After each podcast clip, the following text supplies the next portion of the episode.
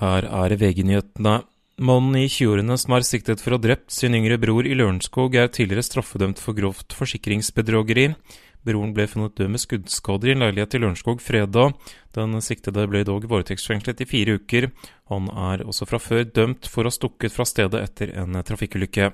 Innbyggerne i byen Grindavik på Island har nok en gang blitt evakuert pga. fare for et nytt vulkanutbrudd. Det ble i dag registrert et lite jordskjelv på Reykjaneshalvøya, og ifølge landets meteorologiske institutt er et nytt utbrudd sannsynlig. Forrige vulkanutbrudd var i starten av januar og varte i to dager. Skandinavisk snuskultur er i ferd med å spre seg til andre deler av verden. Det får myndighetene til å reagere. England, Australia, USA, Frankrike og Albania er blant landene der myndighetene nå vurderer tiltak mot økende snusbruk. Dette har spredd seg veldig fort, sier tobakksforsker Karl Erik Lund til VG. Reporter Thomas Alsaker. En person ble i ettermiddag fraktet til sykehus etter en frontkollisjon på rv. 555 i Bergen.